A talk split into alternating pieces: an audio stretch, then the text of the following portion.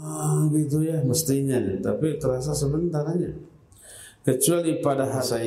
Tapi menurut persepsi Allah dianggap mulia ingin dia. Halbuha yauma kalau emas perak saknya dalam bahasa Indonesia. Jenis dosa, kadar dosa itu menentukan jenis dan kadar azab. Kita akan rinci beberapa nasib para pelaku maksiat di kalangan kaum mukminin di akhirat nanti. Pertama adalah alladzina la yu la yu'adduna zakah.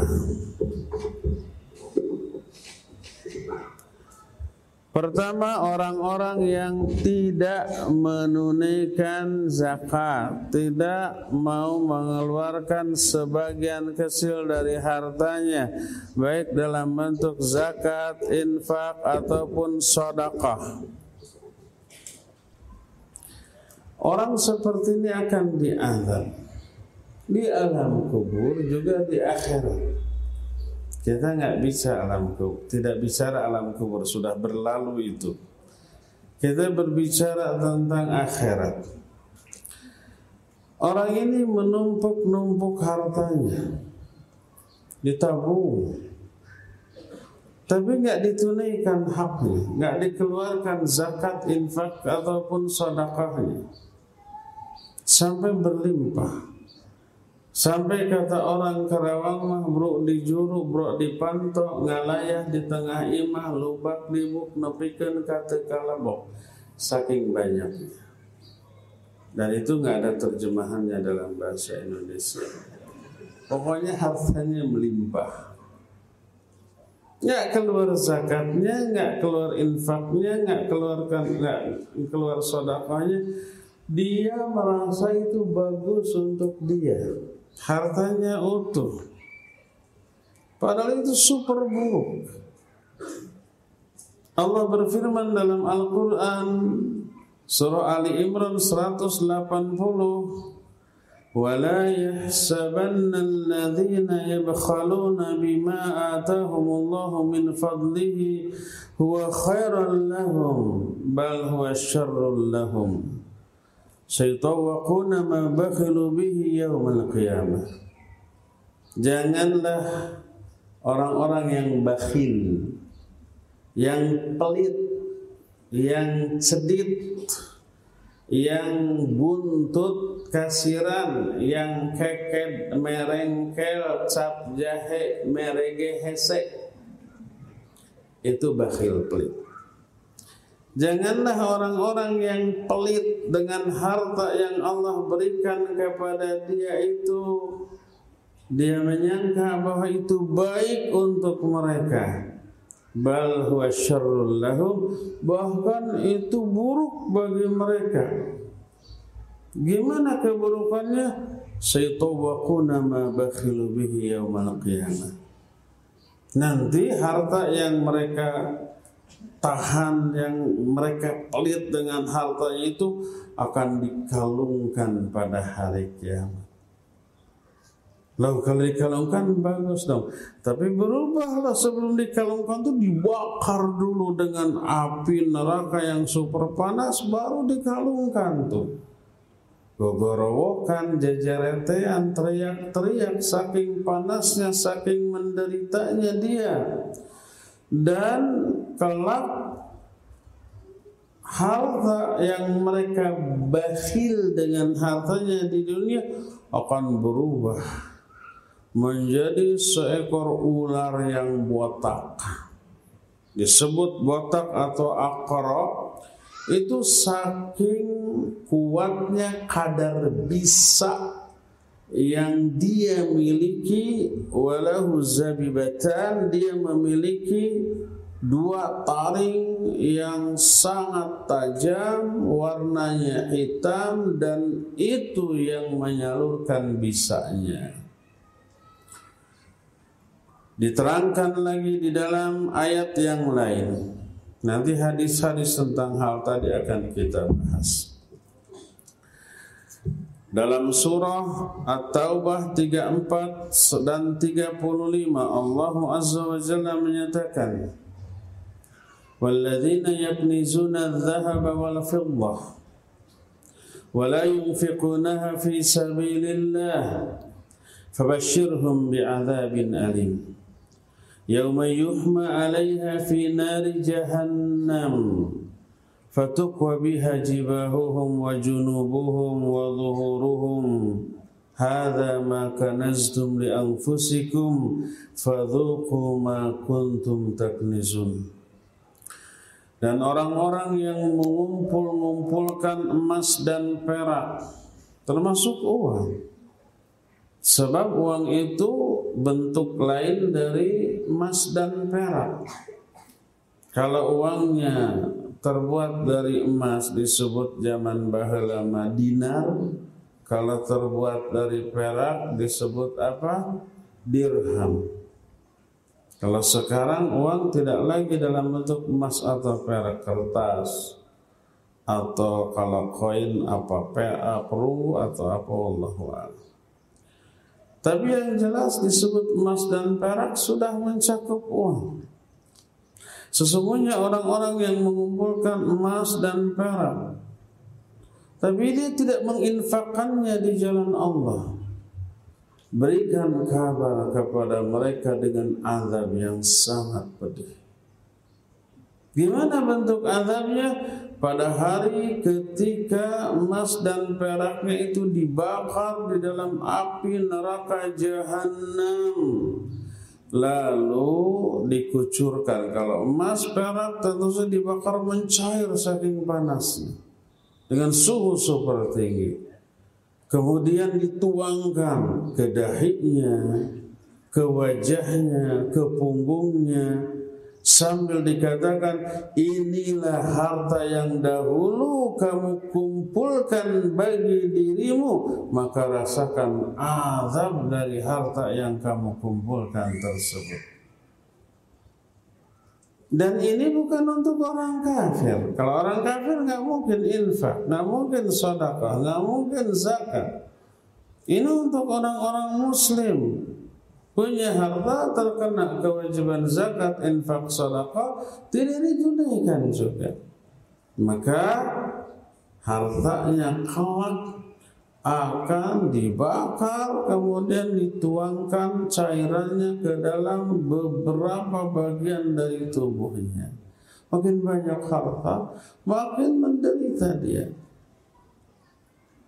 Disebutkan dalam salah satu hadis sahih diriwayatkan oleh Imam Muslim dalam kitab Sahih Muslim diterima dari Abu Hurairah radhiyallahu anhu Berkata Rasul alaihi salatu wasalam, "Ma min sahibi dhahabin wala fiddah la yuaddi fiha haqqaha illa idza kana yaumul qiyamah sufihat lahu safa'ih min nar fa uhmiya 'alayha fi nar jahannam fayuqa biha jambuhu wa janibuhu wa jabinuhu wa dhahruhu kullama baridat u'illas alaihi fi yawmin kana miqdaruhu khamsina alfa sana hatta yuqda bainal ibad kata Rasul sallallahu alaihi wa alihi wasallam tidak ada seorang pun pemilik emas ataupun perak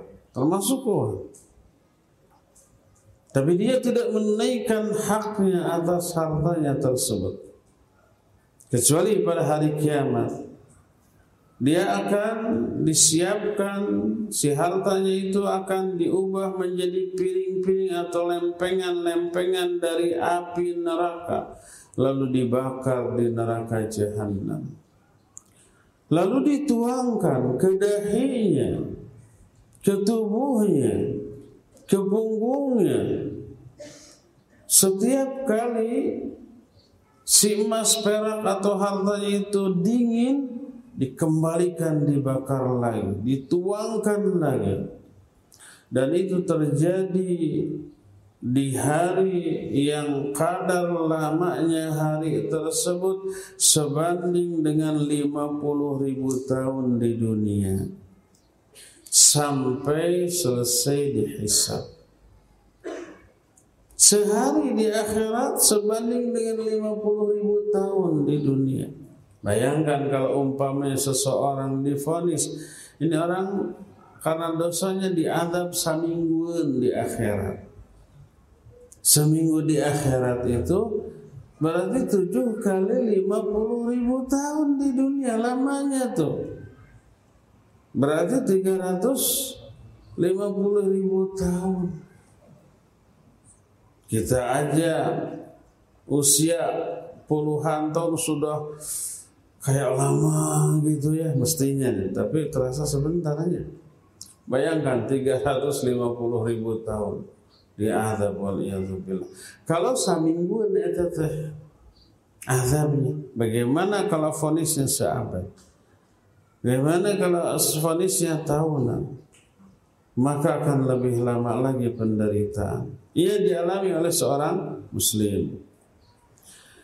Qila seorang sahabat bertanya, Ya Rasulullah fal ibar.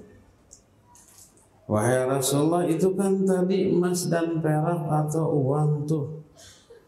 Bagaimana kalau hartanya itu berupa unta? Beliau menjawab, ولا صاحب إبل لا يؤدي منها حقها ومن حقها حلبها يوم وردها إلا إذا كان يوم القيامة. بطيها لها بقاء قرقرة. أوفر ما كانت لا يفقد منها فسيلا واحدا. تطأه بأخفافها وتعض بأفواهها كلما مر عليه أولها رد عليه آخرها في يوم كان مقداره خمسين ألف سنة Kata Rasul Sallallahu Alaihi Wasallam, tidak ada seorang pun pemilik unta, tapi dia tidak menunaikan kewajiban. Dan kewajibannya itu adalah halbuha, me, apa, memerah memerah susunya untuk kemudian dibagi ke fakir miskin ketika dia tiba musim memerahnya. Tapi dia tidak tunaikan. Tidaklah ada seorang muslim yang demikian dengan untanya kecuali pada hari kiamat nanti si unta itu akan dilepas di sebuah padang yang sangat luas. Lalu tidak ada seekor pun unta yang dilepaskan satu demi satu kecuali si unta itu akan menginjak-injak pemiliknya dan menggigit-gigit dengan giginya dan setiap kali yang awal selesai diikuti yang kedua, selesai diikuti yang ketiga, terus sampai unta terakhir. Setelah selesai unta yang terakhir kembali ke unta yang pertama. Begitu terus. Ya diinjak, ya digigit sampai the wall. Dan itu terjadi di hari yang lamanya sehari di akhirat sebanding dengan 50 ribu tahun di dunia. Dianggap tuh. Qila ada lagi seorang sahabat yang bertanya, Ya Rasulullah fal baqar wal ghanam. Wahai Rasulullah, bagaimana dengan orang yang punya sapi dan kambing? Sapi dan kambingnya banyak Sudah terkena kewajiban zakat Tapi tidak dia tunaikan. Beliau menjawab Wala sahibi bakar wala ghanam La yuaddi fiha haqqaha. Tidak ada seorang pun pemilik sapi ataupun kambing tapi tidak dia tunaikan haknya kecuali pada hari kiamat. Akan diperlakukan seperti unta tadi tidak ada seekor pun kambing baik yang bertanduk ataupun yang tidak bertanduk kecuali dia akan menginjak-injak pemiliknya dan akan menanduk-nanduk pemiliknya dengan kepalanya Kalau kambing kan tidak menggigit ya. Tapi dia punya senjata berupa tanduknya di tenggar. Di tenggar itu di apa? Di seluduk dengan tanduknya. Kadang tanduknya bisa melukai karena ujungnya runcing. Juga kakinya dipakai untuk menginjaknya. Setiap kali selesai yang pertama disusul yang kedua terus sampai yang terakhir kembali kepada yang pertama. Begitu dan begitu seterusnya. Inilah nasib seorang muslim ahli maksiat yang kemaksiatannya dalam bentuk tidak mau menunaikan zakat dari harta yang dimilikinya. Inilah jenis yang pertama dari azab di akhirat bagi pelaku kemaksiatan berupa tidak menunaikan zakat. Kedua, al-mutakabbirun, orang-orang yang takabur, orang-orang yang sombong, orang-orang yang besar kepala, orang-orang yang arogan, yang adigung adiguna, gede hulu, asa aing uyah kidul. Kalau diterjemahkan nggak ada makna. Asa aing uyah kidul itu merasa dirinya garam dari selatan ada kan peribahasanya. Dalam bahasa Sunda ada asa aing uyah kidul. Kenapa disebut uyah kidul? Sebab uyah kidul itu katanya kadar asinnya lebih pekat daripada uyah kaler. Mungkin si pembuat peribahasa ini belum pernah coba ke laut merah, eh, ke laut mati. Kalau laut mati, oh, nggak ada yang hidup disebut laut mati nggak ada makhluk yang bisa hidup di sana. Ikan atau apa pun karena kadar garamnya itu lebih pekat. Kena mata perihnya nggak nggak ketulungan. Orang yang takabur pelaku kriminal yang tidak kecil karena menyebabkan Allah murka kepada orang seperti itu dan amat sangat benci. Orang yang ketika di dunia merasa besar baik karena kekuasaan, pangkat, jabatan, popularitas atau harta yang dimilikinya di akhirat diperlakukan sebaliknya dihinakan. Di akhirat tubuhnya oleh Allah dibuat sedemikian rupa sehingga kecil seperti seekor semut dan diinjak-injak oleh manusia. Sebagaimana diterangkan dalam salah satu hadis yang diriwayatkan oleh Imam At-Tirmidzi dari Amr bin Shu'aib dari bapaknya dari kakeknya dia berkata Qala Rasulullah sallallahu alaihi wasallam.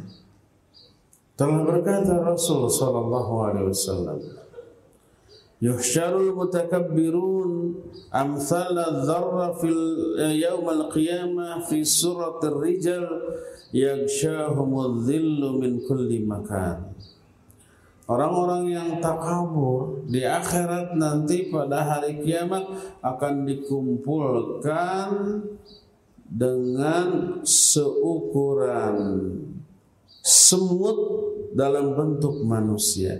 Bentuknya tetap manusia, tapi ukurannya apa?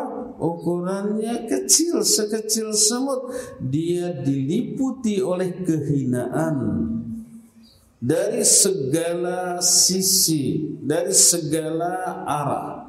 Kemudian berkata uh, pensyar termasuk Imam At-Tirmidzi menyatakan adzur sigharun nama. Sigharun nama la ya'ba bihi nas fayata'unahu bi arjulihim wa hum la yash'urun. Adzur itu artinya si semut yang kecil yang tidak diperhatikan oleh orang. Orang menginjak semut-semut ini tanpa mereka sadari, tanpa mereka pedulikan. Kalau tersadar menginjak semut, apakah mereka ada perhatian? Aduh ini kasihan, pejet, keinjak, terus dikafani. Apa begitu? Enggak, cuek. Seperti itulah nasib orang-orang yang takabur ketika di dunia dihinakan di akhirat nanti. Al jaza min jinsil amal. Balasan akan disesuaikan dengan jenis perbuatan. Sebagaimana Allah pun membenci arogansi kesombongan yang diungkapkan dalam bentuk nama ada nama, gelar, sebutan yang menunjukkan kesombongan si pemilik sebutan tersebut. Lebih menunjukkan kesombongan lebih dibenci oleh Allah Azza wa Jalla. Sebagaimana hadis sahih riwayat Bukhari dan Muslim dari Abu Hurairah radhiyallahu an dia berkata Rasul alaihi salatu wasallam bersabda akhnau ismin indallahi yaumal qiyamah rajulun tasamma malakul amlak wa zada muslim la malika illallah Nama yang paling hina di sisi Allah pada hari kiamat adalah seseorang yang disebut dengan sebutan raja di raja. Dalam bahasa apa pun. Kalau di dalam bahasa Arab Malikul Amlak, kalau dalam bahasa kita raja di raja, dalam bahasa Persia syahan syah, pokoknya maknanya sama raja di raja, padahal tidak ada lagi raja selain Allah Azza wa Jalla. Dalam hadis lain diriwayatkan Imam diriwayatkan Imam Muslim dan Imam Ahmad masih dari Abu Hurairah radhiyallahu anhu Lafaznya sedikit berbeda. Aghyadu rajulin 'ala Allah yaumal qiyamah wa akhbathuhu wa aghyaduhu 'alaih rajulun kana yusamma malikul amlak la malika illallah. Kata Rasul sallallahu alaihi wasallam seseorang yang paling dibenci oleh Allah pada hari kiamat, paling buruk, paling Allah murkai adalah orang yang diberi sebutan dengan raja di raja padahal tidak ada lagi raja selain Allah Azza wa Jalla. Inilah yang kedua yaitu orang-orang yang takabur. Orang-orang yang sombong. Yang dimaksud takabur atau sombong di sini bukan sombong menurut persepsi manusia. Karena manusia memiliki persepsi yang berbeda tentang kesombongan.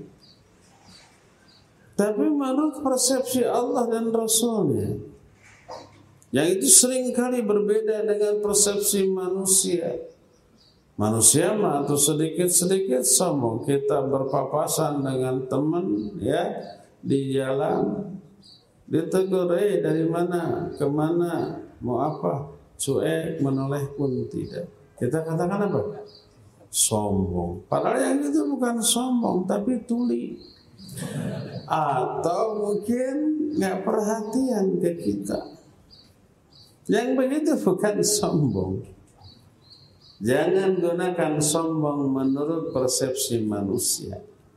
Tapi sombong menurut persepsi Allah dan Rasulnya yang diterangkan dalam banyak ayat ataupun hadis tentang beberapa contoh atau batasan dari kesombongan. Di antara perkara yang dianggap sombong menurut syariat adalah pertama menolak kebenaran. Didakwahi ditolak. Dinasihati tidak diterima. Dia salah lalu ditegur malah ngambek. Itu sombong, itu takabur. Dan kesombongan seperti ini yang menyebabkan dia ini dinyatakan nggak akan bisa masuk surga.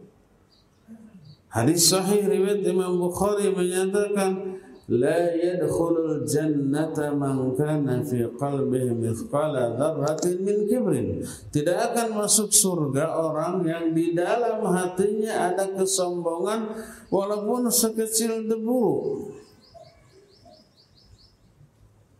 seorang sahabat berkata ya Rasulullah inna rajula yuhibbu an yakuna thawbahu hasan wa na'lahu hasan Wahai Rasulullah, ada orang tuh yang suka memakai baju dan sendal yang bagus-bagus.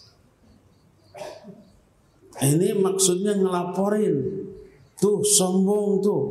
Pakai baju bagus, pakai ini bagus, sendal bagus. Kata Nabi SAW, tidak. Yang itu tidak sombong, dibantah tuh.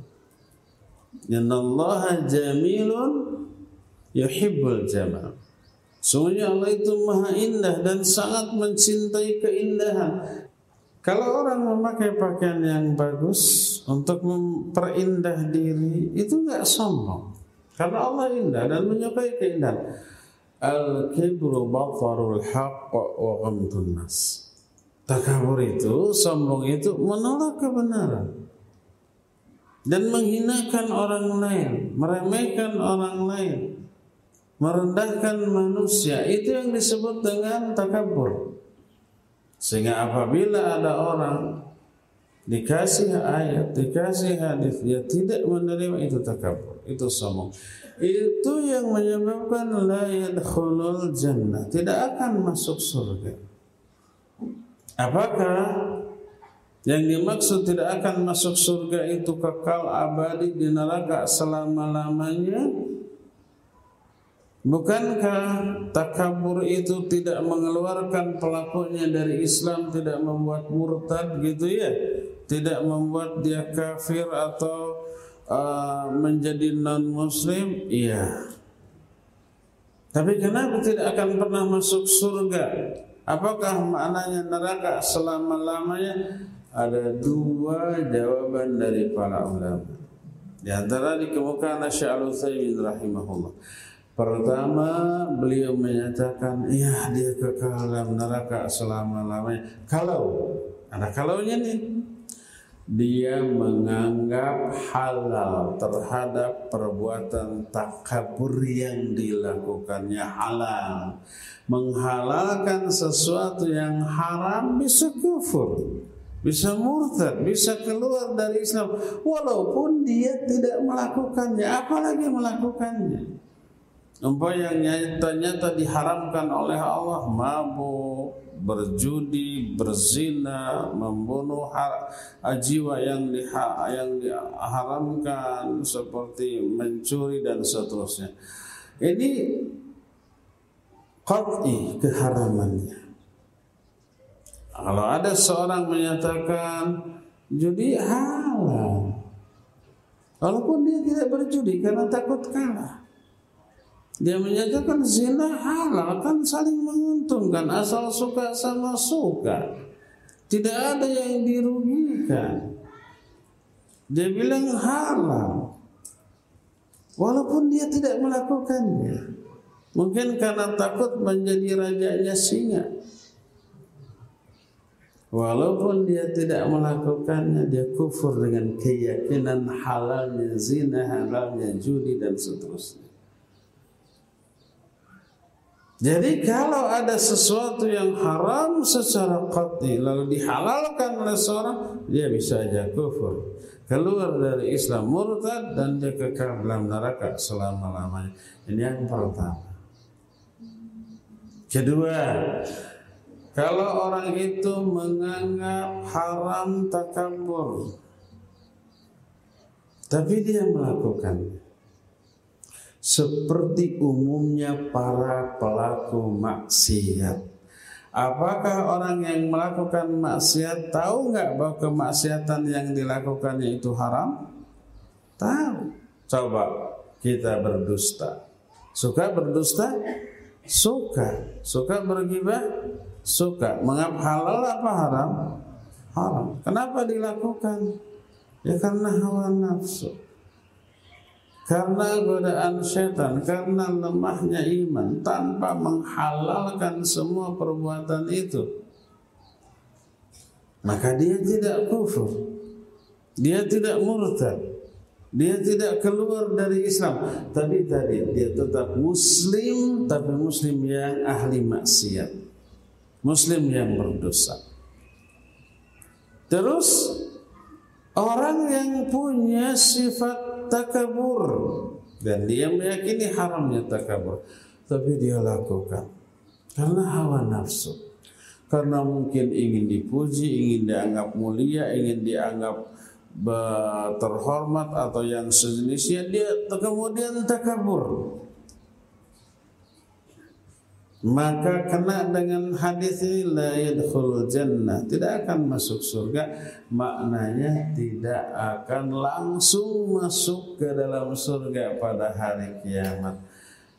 Dia harus ke neraka terlebih dahulu karena dosa takabur yang dia lakukan. Sampai dosa takabur itu lunas oleh azabnya baru setelah dosanya habis dibakar dalam api neraka dengan azab tertentu barulah dia diangkat dari neraka dan dimasukkan ke dalam surga Nah, ini makna la jannah maksudnya ibtida. Tidak akan masuk surga langsung pada hari kiamat. Walaupun dia seorang muslim yang umpamanya uh, banyak melakukan ibadah, tapi karena takaburnya nggak bisa langsung masuk surga. Mungkin dia dimasukkan dulu ke dalam neraka karena takaburnya tadi. Ya, yang jelas uh, hadis tadi menjelaskan salah satu di antara bentuk takabur yaitu apa? Menolak kebenaran, merendahkan, menghinakan manusia. Ini yang pertama. Jenis takabur yang kedua adalah yang diterangkan dalam hadis. Dalam hal khusus bagi laki dalam hal berpakaian yaitu isbal Makna isbal mengenakan pakaian dari atas apa pun bentuknya. Gamis, sarung, celana atau yang lain-lainnya sampai melewati dua mata kaki.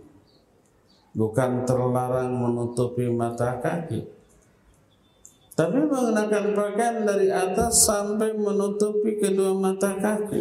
Tapi kalau yang dari bawah seperti pakai kaos kaki, seperti pakai sepatu. Ada sepatu yang menutupi mata kaki? Ada sepatu bot umpamanya. Ada kaos kaki yang menutupi mata kaki? Ya, hampir semua kaos kaki. Nggak apa-apa, nggak masalah itu tidak disebut isbal. Tapi yang dipakai dari atas, sarung, celana, gamis atau yang lain-lainnya sampai menutupi mata kaki. Ini khusus untuk laki-laki itu namanya isbal dan isbal termasuk salah satu bentuk kesombongan menurut syariat.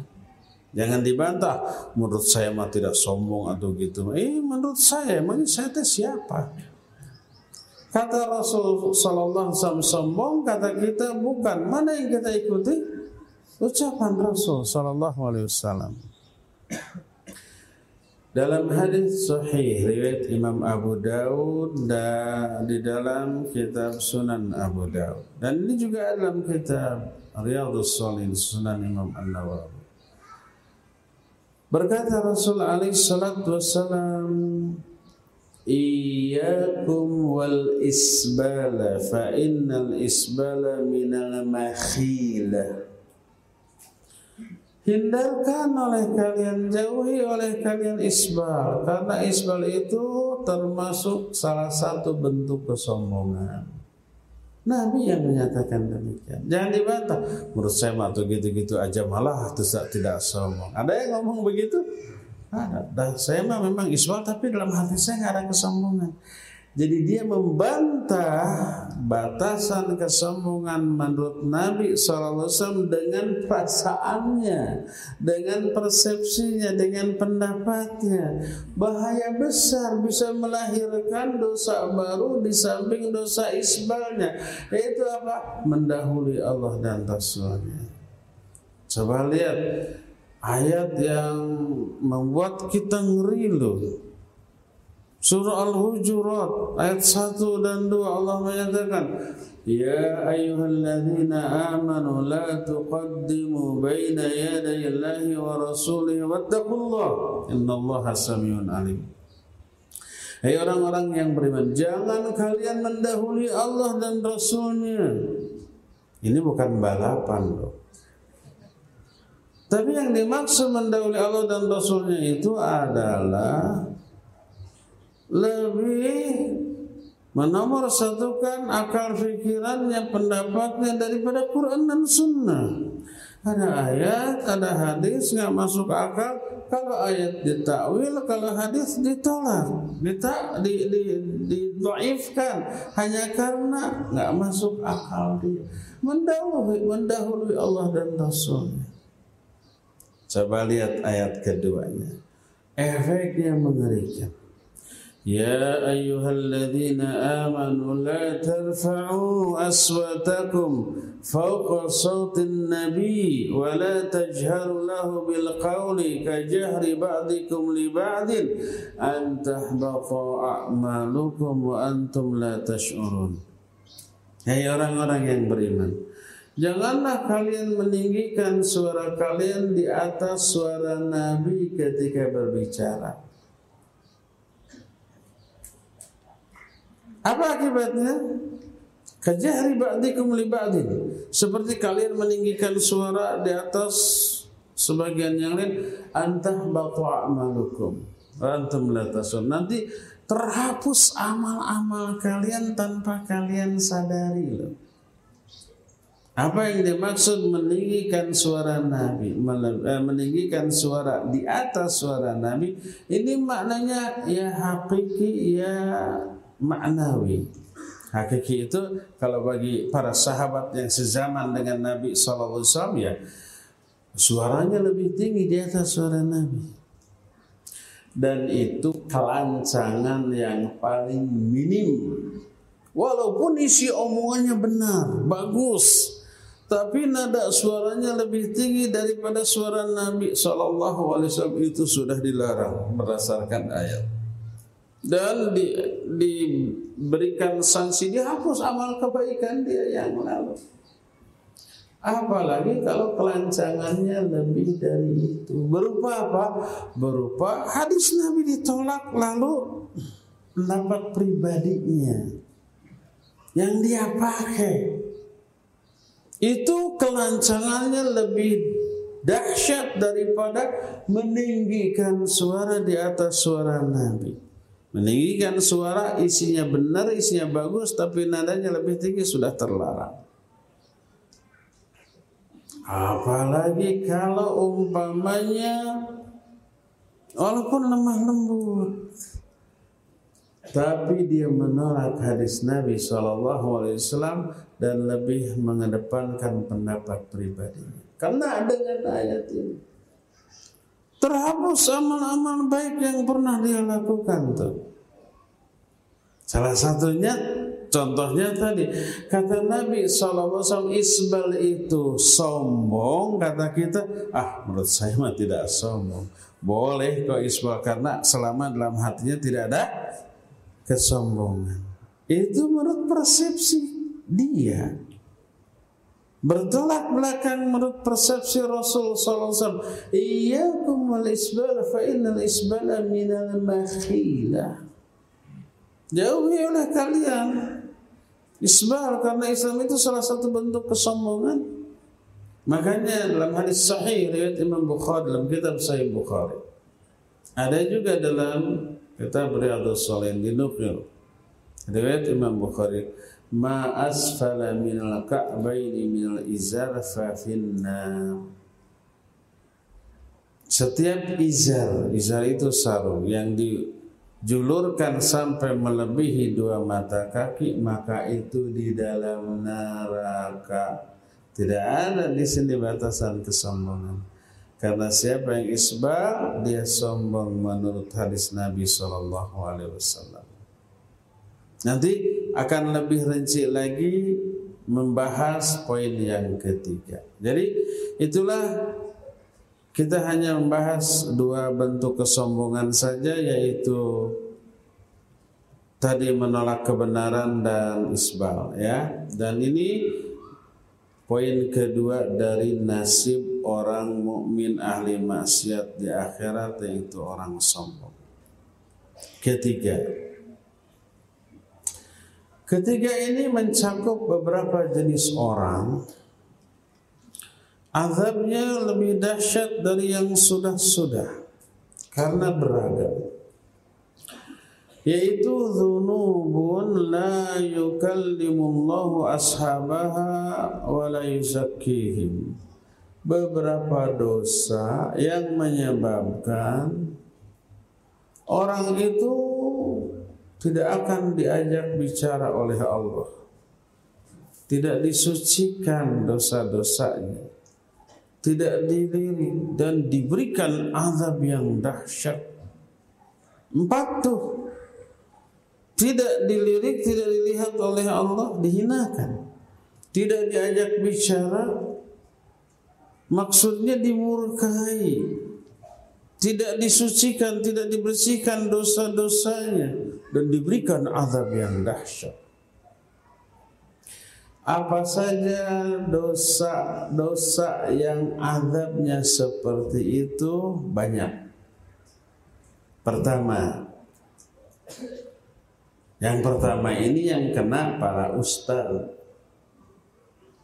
para kiai, para ulama.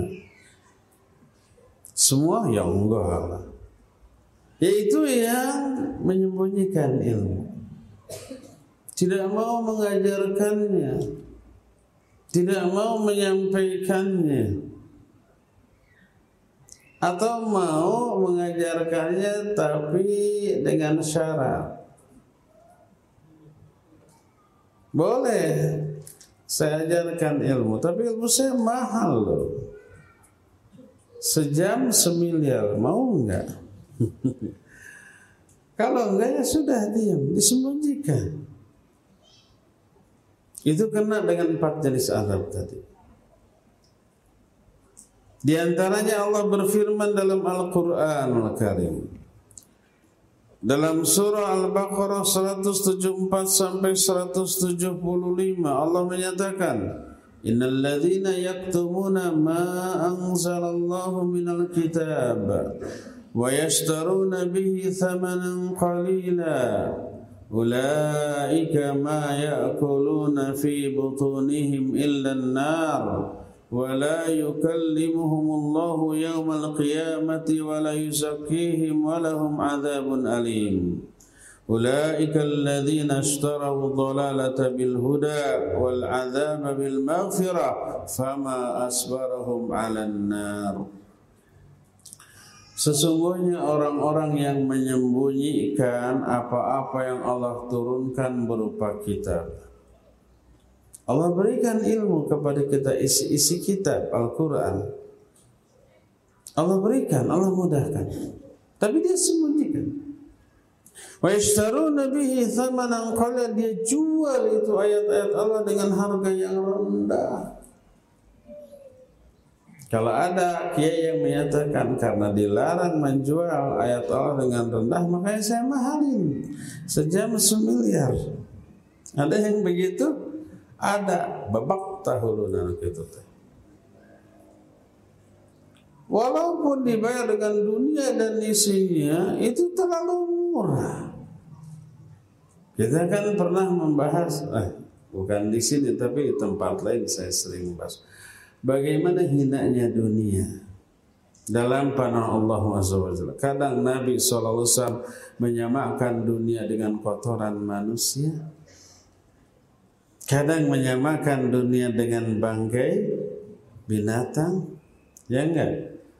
Kadang menyatakan saking tidak ada nilainya seandainya dunia ini ada nilai dalam dalam pan Allah walaupun senilai sehelai sayap seekor nyamuk murah meriahnya. Jangankan sayap sayap nyamuk dengan nyamuknya sekarung. Ada nilainya menurut kita? Enggak ada ada adalah dikit seandainya dunia ini dalam panah Allah senilai dengan sehelai sayap seekor nyamuk niscaya Allah tidak akan memberikan kepada orang kafir walaupun seteguk air. Kalau ada nilainya walaupun sedikit. Tapi karena seperti kotoran lah seperti bangkai binatang lah itu nilai dunia Makanya tak heran kalau orang kafir juga Allah kasih. Ada orang kafir yang kaya? Oh banyak orang terkaya dunia rata-rata orang kafir. Allah kasih karena ada nilainya. Bukan miliaran lagi, tek-tekan. Kalau ada di atas T, apa B apa? Pokoknya itu tetap hina. Tidak senilai dengan ayat Allah walaupun satu huruf. Jadi kalau ada kiai yang tadi menyatakan karena Allah melarang menjual ayat Allah dengan harga yang rendah, makanya tarif saya mahal. Sejam semiliar. Tetap kena dengan ayat ini. Isi dunia semuanya diberikan sebagai balasan atas upah mengajar dia yang dia syaratkan kena dengan ayat ini. Tetap harga dunia itu murah. Sesungguhnya orang-orang yang menyembunyikan apa-apa yang Allah turunkan dari kitab berupa kitab Allah, Allah turunkan kepada dia, dia fahami, tapi dia sembunyikan. Dia menjual ayat itu dengan harga yang rendah. Mereka lah orang-orang yang tidak makan apa pun ke dalam perut mereka kecuali neraka. Dan Allah tidak akan mengajak berbicara kepada mereka pada hari kiamat, tidak akan mensucikan mereka dan bagi mereka azab yang pedih. Disebut tidak akan mensucikan karena pada hakikatnya ilmu yang Allah berikan itu bisa menggugurkan dosa-dosa dia. Bisa membersihkan jiwa dia sejak mulai proses mencari ilmu walaupun belum paham tapi belajarnya aja mau paham mau tidak itu sudah menggugurkan dosa itu. Mau paham mau tidak itu. Asal belajar. Dosa sudah berguguran apalagi kalau sudah paham diamalkan dosa gugur diajarkan dosa gugur Allah bersihkan jiwanya tapi Allah menyatakan zakihim Allah nggak akan sucikan jiwa mereka karena niatnya menjual mau mengajar dengan imbalan dunia. Walahum adzabun alim. Walahum alim bagi mereka azab yang sangat pedih. Mereka lah orang-orang yang menjual yang membeli kesesatan dengan hidayah dan membeli azab dengan ampunan. Maknanya apa? ilmu ini hidayah. Ilmu ini mengundang ampunan. Dengan memiliki ilmu orang itu sudah dapat hidayah, sudah dapat ampunan. Eh itu dipakai membeli kesesatan dan azab dengan cara dijual ayat-ayat Allah Azza wa Jalla dengan nilai dunia yang sangat rendah. Inilah dosa pertama yang menyebabkan orang diadab yaitu menyembunyikan ayat Allah dan tidak mau memberikannya kecuali dengan imbalan dunia. Dalam salah satu hadis dari Abu Hurairah radhiyallahu an diriwayatkan Imam Al-Hakim lalu Imam Al-Hakim menyatakan hadis ini sahih berdasarkan syarat Bukhari dan Muslim Berkata Rasul sallallahu alaihi wasallam man su'ila an ilmin fakatamahu uljima yaumal qiyamah bilijamin minna. Siapa orang yang ditanya suatu ilmu tapi dia menyembunyikannya dia akan dikekang pada hari kiamat dengan kekang dari api neraka. Hadis-hadis yang seperti ini banyak dan ini adalah dosa pertama yang pernah empat jenis azab tadi yaitu menyembunyikan ilmu dan baru mau memberikan ilmu asal di apa? Dibayar dengan dunia yang rendah. Kedua,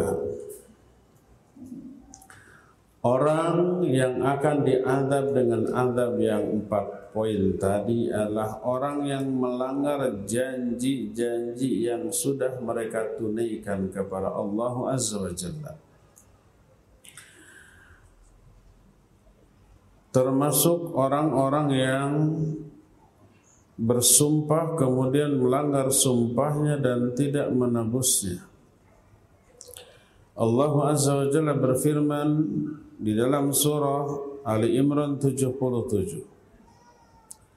Innal ladzina yashtaruna bi ahdillahi wa aymanihim thamanan qalila ulaika la khalaqa lahum fil wa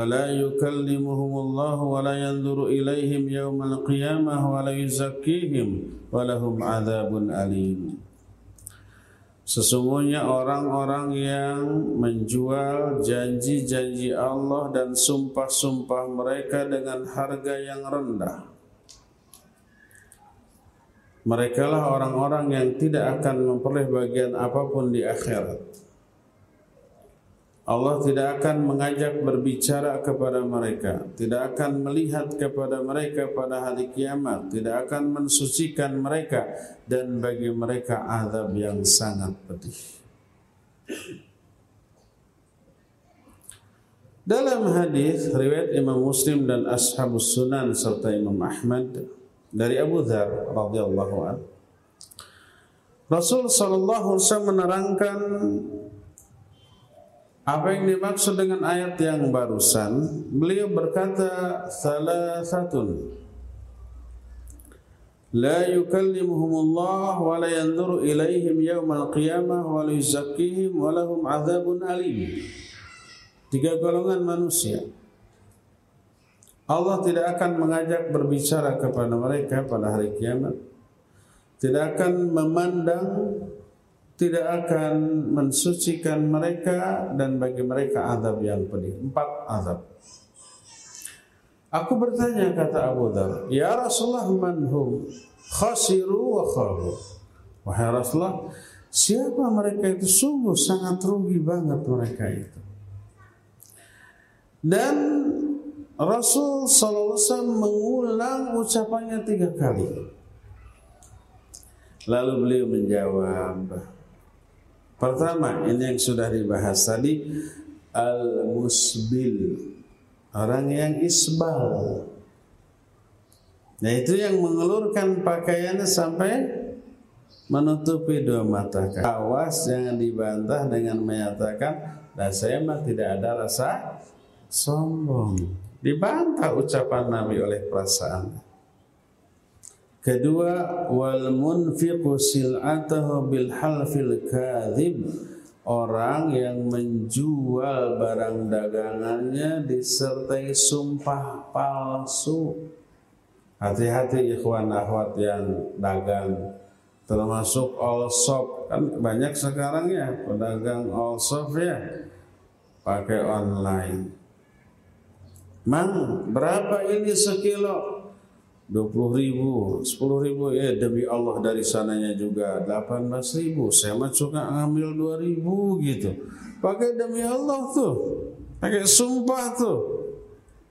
Padahal dari sananya 5 ribu. Ketika ditawar 10 ribu sudah ada untung? Sudah. Dia bilang demi Allah dari sana 18 ribu, saya cuma dapat untung 2 ribu. Buruh capek gitu. Ah, enggak ah, Pokoknya sepuluh ribu. Ngaleos lah. Dipanggil aja, sini sesoklah ngaralisa. Tadi sudah sumpah. Jual rugi. Padahal sudah ada untung lima ribu tuh. Kena hadis ini. Kadang orang kalau melihat si pedagang bersumpah sebagai seorang muslim wajib percaya kepada sumpahnya. Sebab Nabi SAW menyatakan siapa orang bersumpah dengan nah, menyebut nama Allah hendaklah kamu ridho kepada dia. Percaya. Oh udah sumpah iyalah sepuluh ribu, eh, dua puluh ribu nggak apa-apa. Sebelas sembilan belas ribu aja ya. Iyalah nggak apa-apa seribu sewang gitu. Beli sekintal. Untungnya gede tuh. Kita kalah karena dia bersumpah ya enggak. Karena sumpah dagangannya jadi laku. Karena dengan hadis ini. Kalau memang ada pedagang begitu dia bersumpah dan kita tidak memiliki bukti kedustaannya, ya percaya, wajib percaya. Adapun kalau dia dusta, bohong itu urusan dia dengan Allah. Kecuali kalau kita punya bukti. Umpamanya ada tuh si penjual si apa namanya si bandarnya saya jual ke si Mang ini lima ribu, dia jual dua puluh ribu, gitu ya. Ah, ada bukti itu. Walaupun dia bersumpah, sumpahnya tertolak. Bersabda Rasul sallallahu alaihi wasallam, "Al-bayyinatu shadiqah muqaddamatun 'alal yaminil fajirah." Bukti yang jelas yang nyata harus didahulukan daripada sumpah palsu. Jadi kalau orang sumpah tapi ada bukti bahwa dia itu bohong, ambil bukti dan dustakan dia. Tapi kalau nggak ada bukti dia bersumpah, oke okay, kita percaya. Kalau dia ternyata bohong, itu urusan dia dengan Allah Azza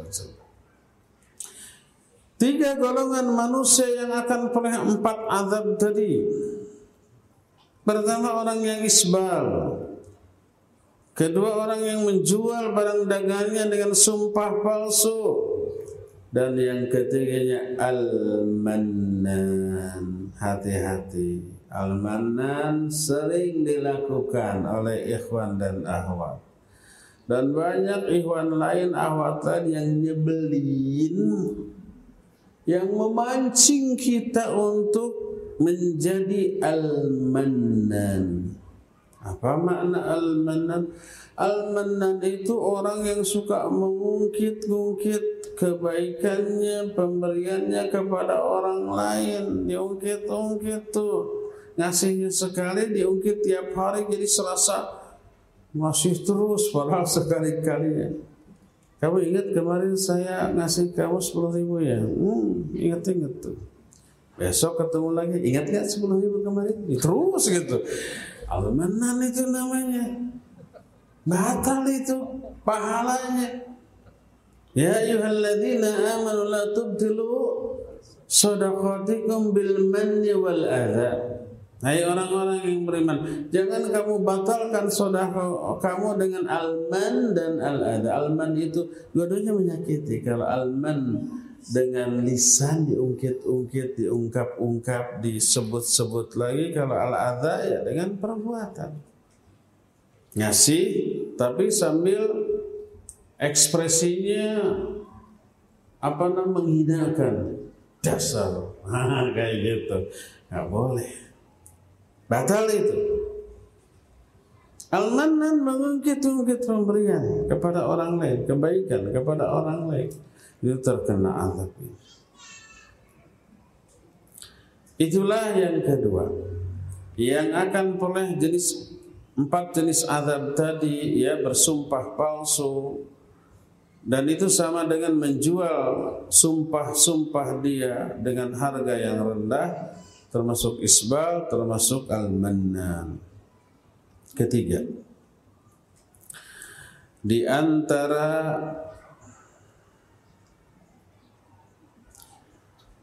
jenis dosa yang akan diadab dengan adab yang tadi adalah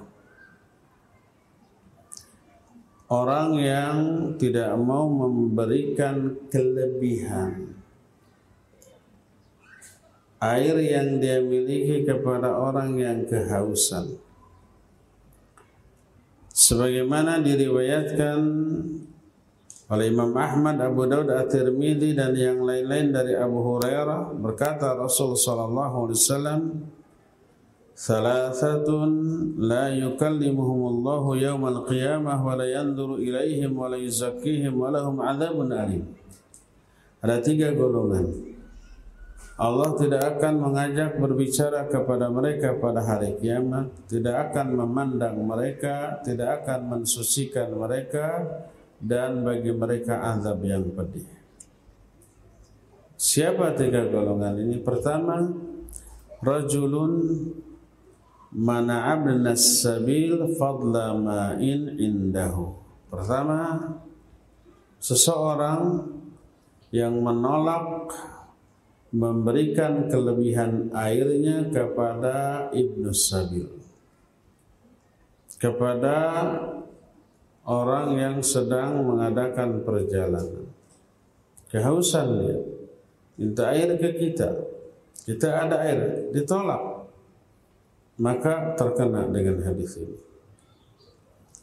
kedua warajulun halafa ala silatihi ba'dal asr yakni kadhiba Orang yang bersumpah palsu ba'da asar ketika menjual barang dagangannya. Seperti tadi.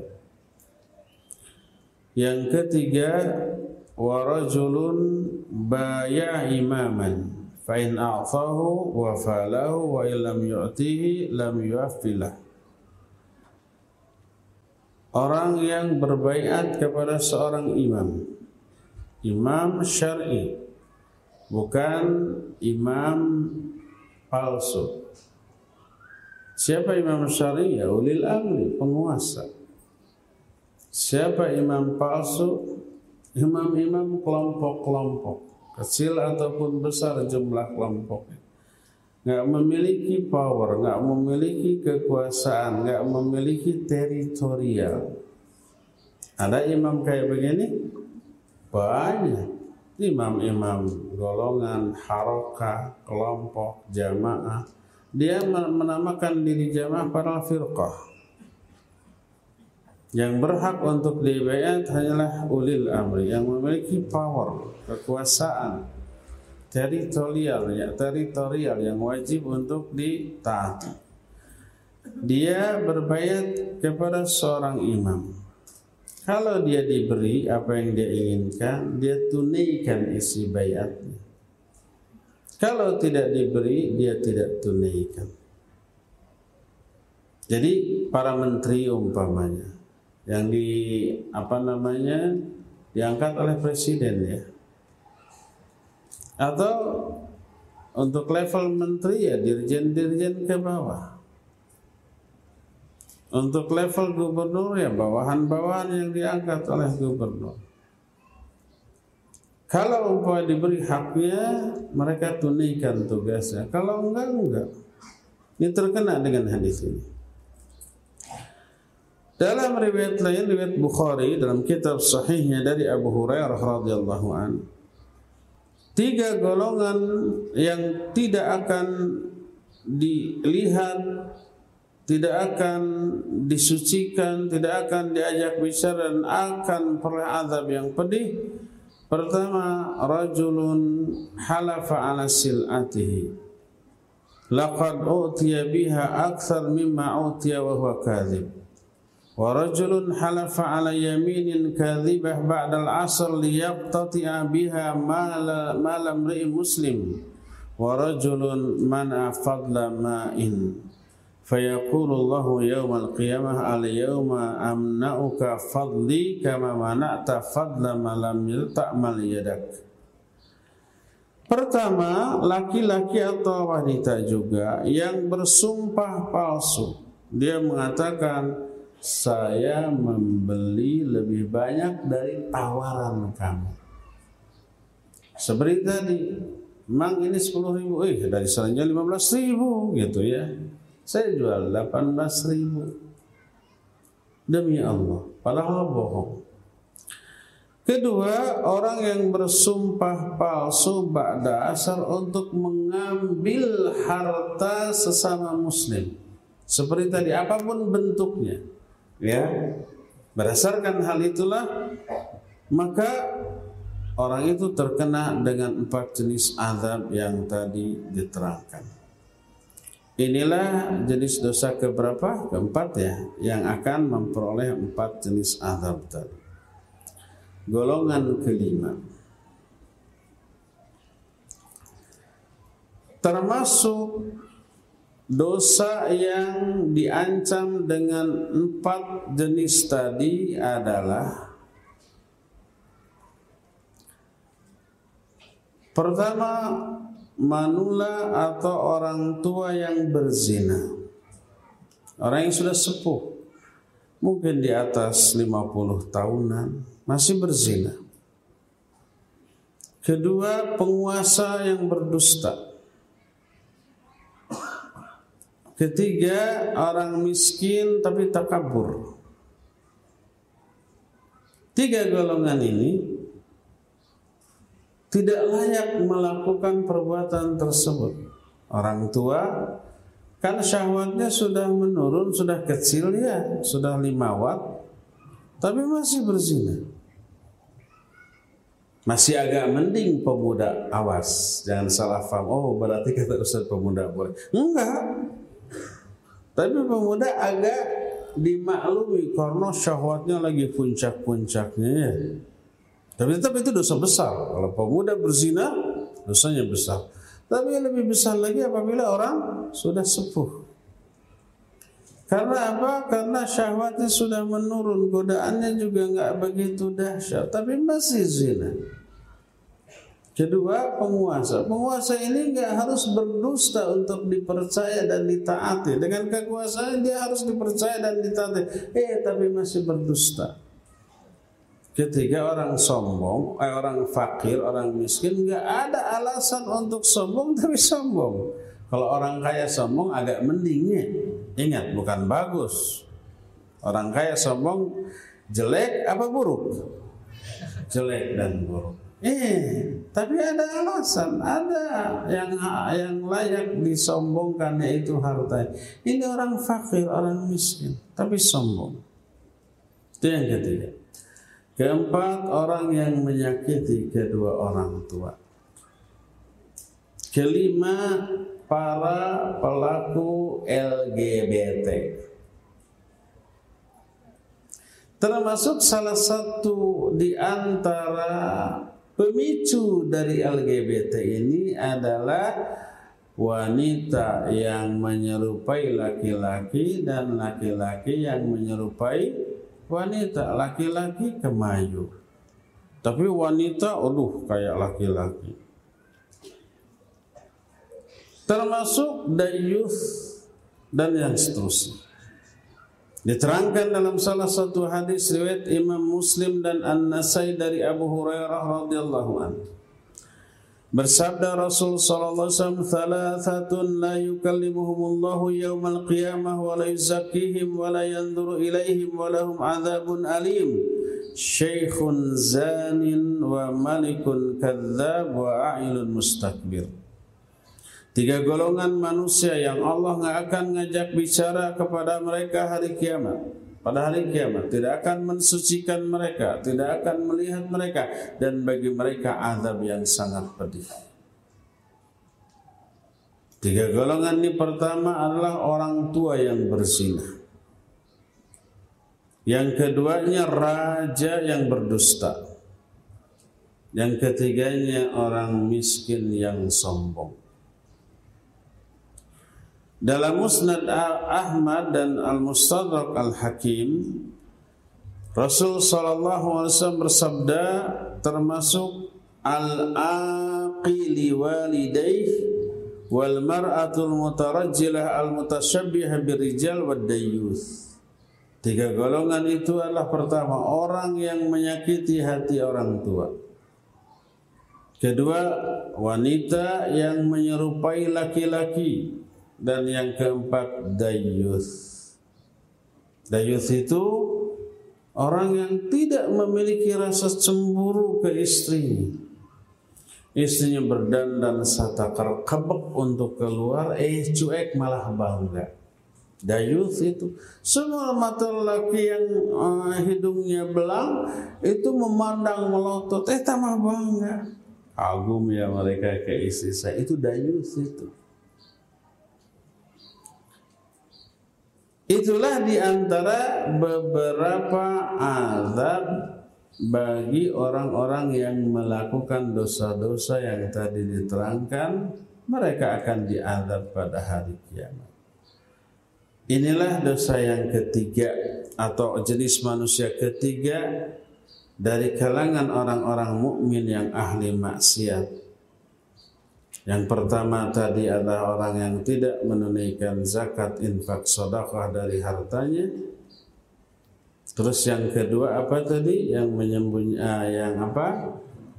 Yang takabur dan yang ketiga beberapa jenis orang yang perlu empat jenis adab.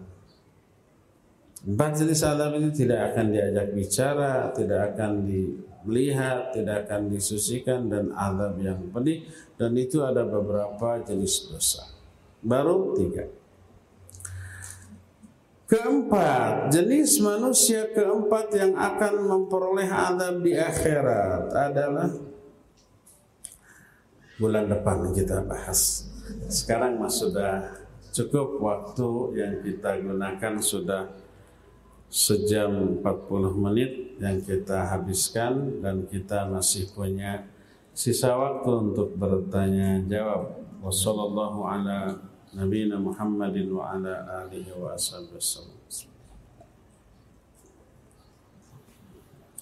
Ya, pertanyaan pertama. Bismillah Ustaz, bagaimana dengan orang yang sangat jolim, bukan jolim, zolim ya pakai Allah. Tapi dia melakukan ibadah, sholat sangat rajin dan dia ini termasuk orang apa Ustaz? Orang zolim. Tapi ibadahnya rajin. Kezaliman yang dia lakukan menunjukkan ibadahnya sholatnya itu ditolak oleh Allah Subhanahu wa taala. Karena sholat yang benar itu harusnya bisa membuang seluruh kebiasaan atau sifat buruk dia. Allah menyatakan dalam Al-Quran Inna salata tanha anil fahsyai wal munkar. Salat itu bisa mencegah dari perbuatan keji dan mungkar Kedoliman adalah kemungkaran. Harusnya berhenti dengan salat.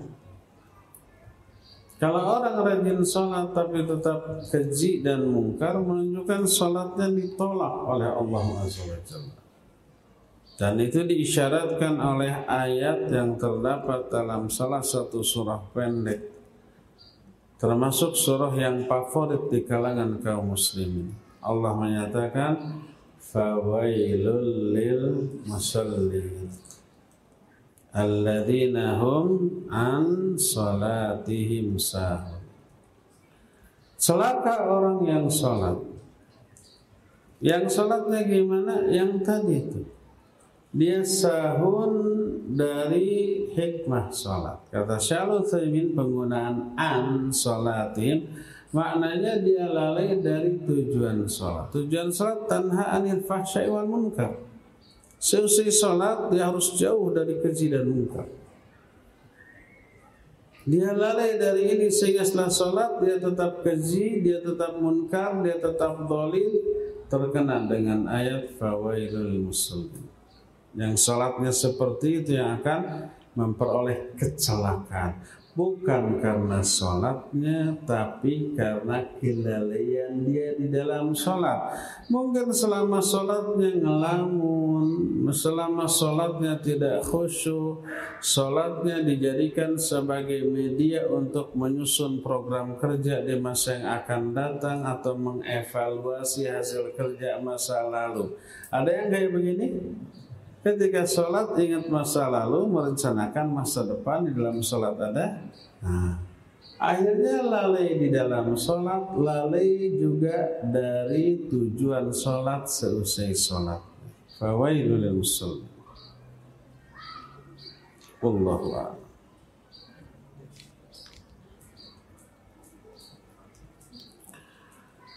Ana mau nanya terkait tukar menukar kado hukumnya seperti apa? Enggak boleh. Karena isi kado pasti berbeda ya. Gharar ada gharar. Kado kita cuma umpah lima ribu, permen aja satu, permen kojek. dapat HP. yang umpamanya ada yang kadonya 20 ribu e, berharap siapa tuh dapat HP ya dapat permen yang tadi ada unsur Allah tidak boleh ya.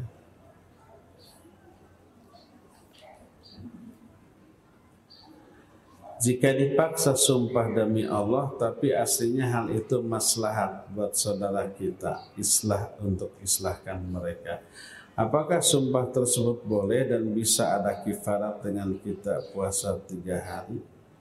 Jika dipaksa sumpah demi Allah, tapi aslinya hal itu maslahat. Boleh nggak kita meminta orang lain untuk bersumpah? Boleh. Nabi Shallallahu Alaihi Wasallam pernah sebagaimana hadis dari Muawiyah riwayat Imam Bukhari dalam kitab Sahihnya Muawiyah datang ke masjid orang-orang sudah berkumpul. Lalu sedang apa kalian? Mereka menjawab sedang berzikir kepada betulkah bersumpah? Berani enggak bersumpah kalian atas nama Allah bahwa kalian berzikir? Ya kami bersumpah. Kata Muawiyah tidaklah aku meminta kalian bersumpah karena tidak percaya kepada kalian? Tidak.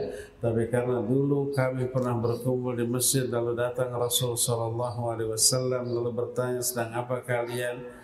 Kami sedang berzikir. Bersumpah enggak? Bersumpah dan seterusnya. Ini menunjukkan dibolehkan meminta orang lain untuk bersumpah. Ini yang pertama.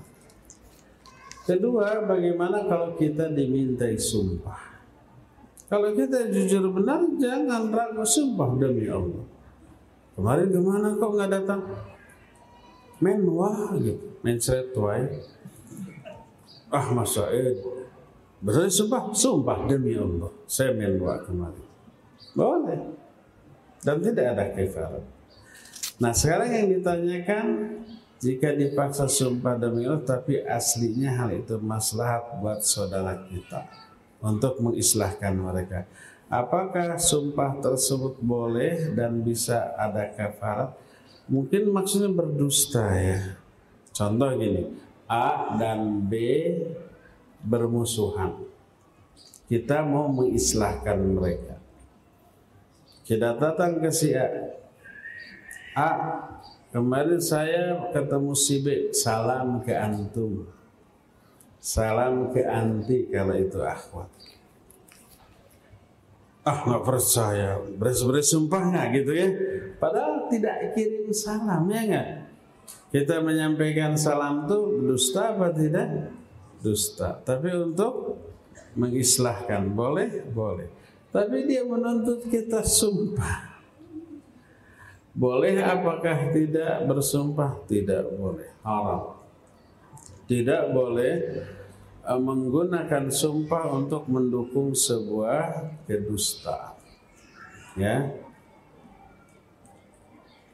Jadi tetap tidak boleh walaupun itu untuk memaslahatkan mereka atau meng, boleh nggak setelah itu di, di apa dibayar kifaratnya tidak karena beda kasus yang dimaksud melanggar sumpah. Maksudnya bersumpah untuk melakukan ini ini ini ini tapi tidak dilakukan. Itu bayar kifarat kasus yang tadi ditanyakan adalah bersumpah untuk mendukung kedustaan. Beda. Itu bukan melanggar sumpah. Tapi bersumpah untuk mendukung kedustaan tidak boleh. Yang dimaksud kafaratul aiman mem, apa, membayar kifarat sumpah itu maksudnya sumpah untuk masa yang akan datang kemudian kita langgar. Umpah demi Allah saya besok akan datang ke kamu membawa hadiah ini demi Allah. Ternyata besoknya tidak. Nah itu bayar kifaratnya. Ya, itu yang dimaksud dengan membayar kifarat dari sumpah yang dilanggar. Kalau kasus yang ditanyakan bukan melanggar sumpah tapi menjadikan sumpah sebagai dukungan terhadap sebuah kedustaan maka tidak boleh.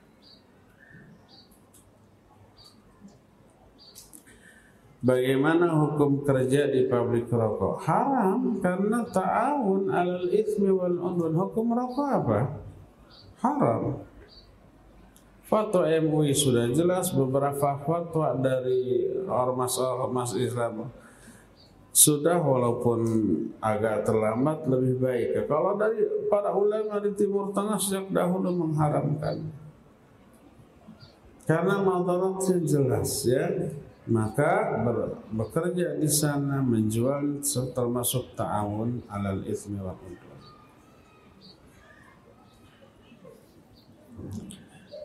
Jika seorang mukmin meninggal dengan cara bunuh diri, bagaimana nasibnya di alam kubur dan akhirat? Di sini, ya di sisi lain anak keturunannya adalah orang soleh atau seorang alim yang senantiasa mendoakan orang tuanya. Kalau ada orang bunuh diri dia mati dalam keadaan sul khatimah. Apa kafir apa tidak? Tidak, tidak kafir. Dia tetap muslim. Salatkan jangan salatkan. Wajib disolatkan. Cuma bagi ahlul afadil orang tokoh agama jangan ikut mensolatkan sebagai takzir. Tapi dia nyuruh orang lain mensolatkan. Sebagaimana Nabi SAW ketika ada orang mati bunuh diri, kata beliau, Sallu alaihi. Solatkan oleh kalian dia. Solatkan. Beliau menyuruh para sahabat menyolatkan, beliau sendiri tidak menyolatkan. Ini menunjukkan dia muslim. Makanya disuruh untuk disolatkan. Adapun Nabi tidak sebagai takzir. Sanksi atas dia sekaligus warning, peringatan bagi orang yang masih hidup. Kalau enggak, uh, kalau mau disolatkan oleh Nabi, jangan sampai mati bunuh diri. Ya, jadi orang itu mati dalam keadaan sul khatimah. Terus bagaimana kalau anaknya mendoakan ampunan? Ada pengaruh ada. Minimalnya meringankan dia. Meringankan azab baik di alam kubur ataupun di alam akhirat nanti. Bagaimana nasib ahlul bid'ah di akhirat? Sama dengan nasib para ahli maksiat. Pasti ke neraka? Tidak. Pemabuk pasti ke neraka? Tidak pasti. Tergantung apa? Kalkulasi dari seluruh amalan. Apalagi kalau dia tobat sebelum mati terhapus Tobat dari bid'ah, tobat dari zina, tobat dari mabuk, apalagi itu terhapus. Nah sekarang kalau umpamanya tidak terhap, tidak tobat, terus sampai mati, apakah pasti ke neraka? Tidak pasti ke neraka. Dikalkulasi dengan kebaikan-kebaikan yang dia lakukan. Karena dengan ayat tadi, فَأَمَّا مَنْ ثَقُلَتْ مَوَازِينَهُ فَهُوَ فِي إِشَةِ رَضِيَةٍ Bukankah ada ancaman pelaku bidah ke neraka, pelaku zina atau mabuk ke neraka? Ya, itu masih ancaman. Sama dengan dusta ada ancaman neraka? Ada. Sama dengan gibah ada ancaman neraka? Ada. Pasti nggak orang tukang gibah ke neraka? Nah, ini jangan memastikan. Ancamannya ada. Tapi pasti atau tidaknya ke neraka? Kalkulasi dari seluruh amal Amal baik, amal soleh dikalkulasi nanti ditimbang. Makanya kalau kita sedang membicarakan hukum sebuah amalan, amalan bidah umpamanya, tidak berarti kita memfonis pelakunya ini pastikan neraka tidak. Sebab ke atau tidaknya nanti kalkulasi di akhir kehidupannya dari seluruh amalannya. Tapi kita hanya sedang membicarakan hukum amalan itu. Amalan itu haram, terancam neraka. Iya, terancam. Ini ayatnya, ini hadisnya. Pasti pelakunya ke neraka. Nah, ini beda lagi. Harus dibedakan antara membicarakan hukum sebuah amalan dengan memfonis pelaku dari amalan itu. Beda dua hal yang beda ya. Allahu a'lam.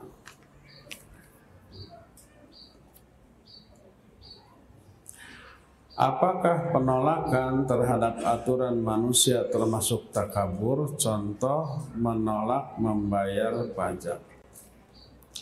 Kalau aturan itu bagus untuk kemaslahatan, ya dan dilakukan oleh orang yang berwenang wajib ditaati seperti aturan berlalu lintas itu kan untuk kemaslahatan menolaknya dosa karena an-nasu ala al-muslimun ala syurutihim.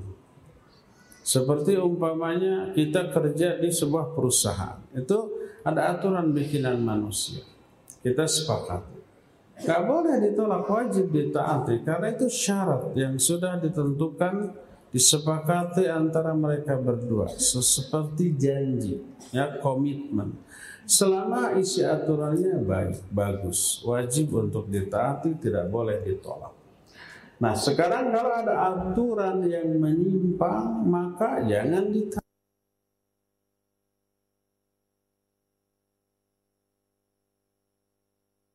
wajib untuk diingkari karena Nabi SAW menyatakan la ta'ata li makhluqin fi maksiatil khaliq.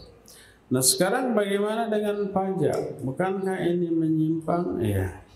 Terus harus kita tolak. Kalau ditolak menimbulkan madarat, jangan ditolak. Bayar bukan karena setuju tapi untuk menghindarkan madarat yang lebih besar. Kalau umpah kita punya motor, mobil, perusahaan atau rumah nggak dibayar pajaknya, ada madarat? Ada. Ya. Kalau umpah kita buka restoran nggak bayar pajak, dihukum nggak? Ya dicabut izinnya, ya dihukum penjara dengan tuduhan apa? Penggelapan pajak. Karena dari harga makanan yang kita jual itu ada pajaknya di sana. Kalau nggak dibayar mangkorat, bayar demi menghindari mabarat. Kita punya mobil, punya motor, ada pajak? Ada tiap tahun. Sok, ulah dibayar. Dijamin liur. Bayar aja daripada liur.